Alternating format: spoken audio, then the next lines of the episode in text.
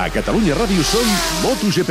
Jorge Lorenzo, que va guanyar Jerez amb el martell, torna a empunyar-lo a la casa de Valentino Rossi. Il leader continua il seu aire. E io sono stato sempre pam pam pam pam pam pam un po' più veloce, no? Poi pam pam pam costante, tan, tan, tan, e arrivavo, arrivavo, arrivavo. I torna Dani Pedrosa, absent tres curses per lesió. Serà capaç de superar els murs de la competitivitat i de la incomprensió? Serà una cursa animalística. És clar que sí, Dani. I Márquez, i els Espargaró, i el Maverick. Tots volen conquerir el circuit Bugatti d'Alemans. Segueix el MotoGP per la nacional i més animalística. Aquest diumenge, a dos quarts de dues del migdia, a Catalunya Ràdio, Univers MotoGP. Univers MotoGP, amb socis del Club de Fans Oficial de Jorge Lorenzo.